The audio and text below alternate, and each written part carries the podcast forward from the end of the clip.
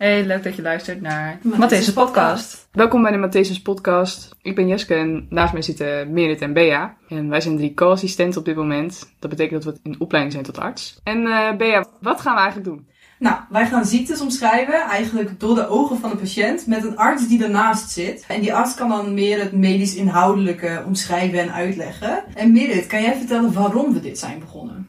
Nou, we zijn deze podcast begonnen omdat we graag wat meer informatie willen vanuit de patiënt. Dus wat meer vanuit het perspectief van de patiënt. Dus we willen graag horen van hoe is het nou bijvoorbeeld om met een aandoening te leven?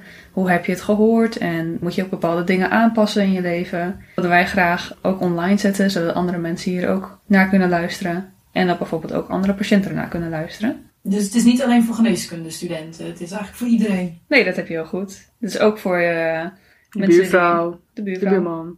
Andere artsen. andere artsen. Nou, het lijkt me duidelijk. Ja. Ik zou zeggen tot eh, de volgende aflevering.